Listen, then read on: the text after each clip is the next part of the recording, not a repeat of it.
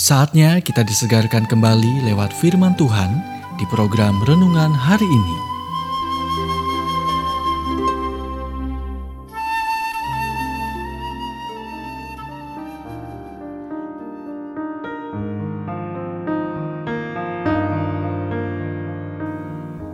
Renungan hari ini berjudul Taklukkan musuh terberat diri Anda sendiri. Nats firman Tuhan 1 Petrus 2 ayat 21.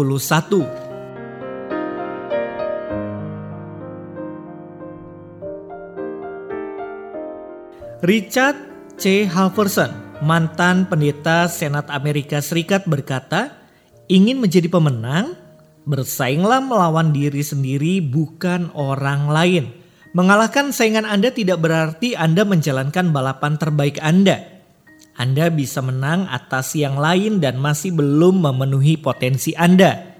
Untuk menjadi yang terbaik, Anda harus bersaing dengan diri sendiri. Ini kontes terbesar dalam hidup. Seorang pecundang adalah seorang pemenang, betapapun banyaknya kerugiannya jika dia menaklukkan dirinya sendiri. Seorang pemenang adalah seorang pecundang, betapapun banyaknya kemenangannya jika dia kalah dalam pertempuran dengan dirinya sendiri. Alexander Agung menaklukkan dunia dan mengutuk kurangnya pengendalian diri.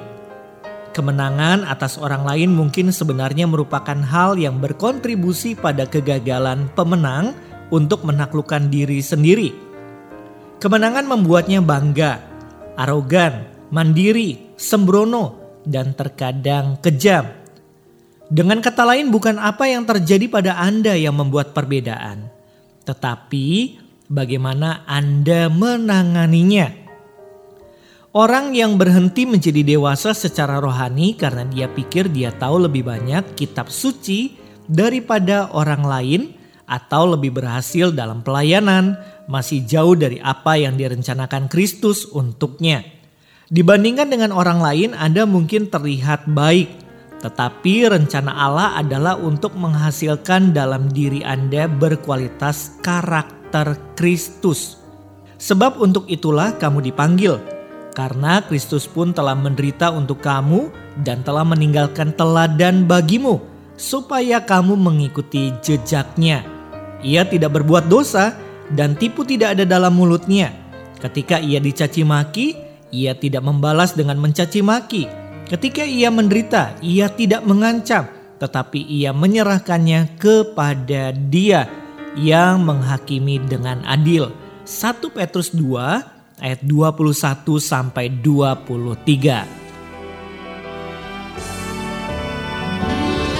Anda baru saja mendengarkan renungan hari ini. Kiranya renungan ini terus mengarahkan kita mendekat kepada Sang Juru Selamat, serta menjadikan kita bertumbuh dan berakar kuat di dalam Kristus.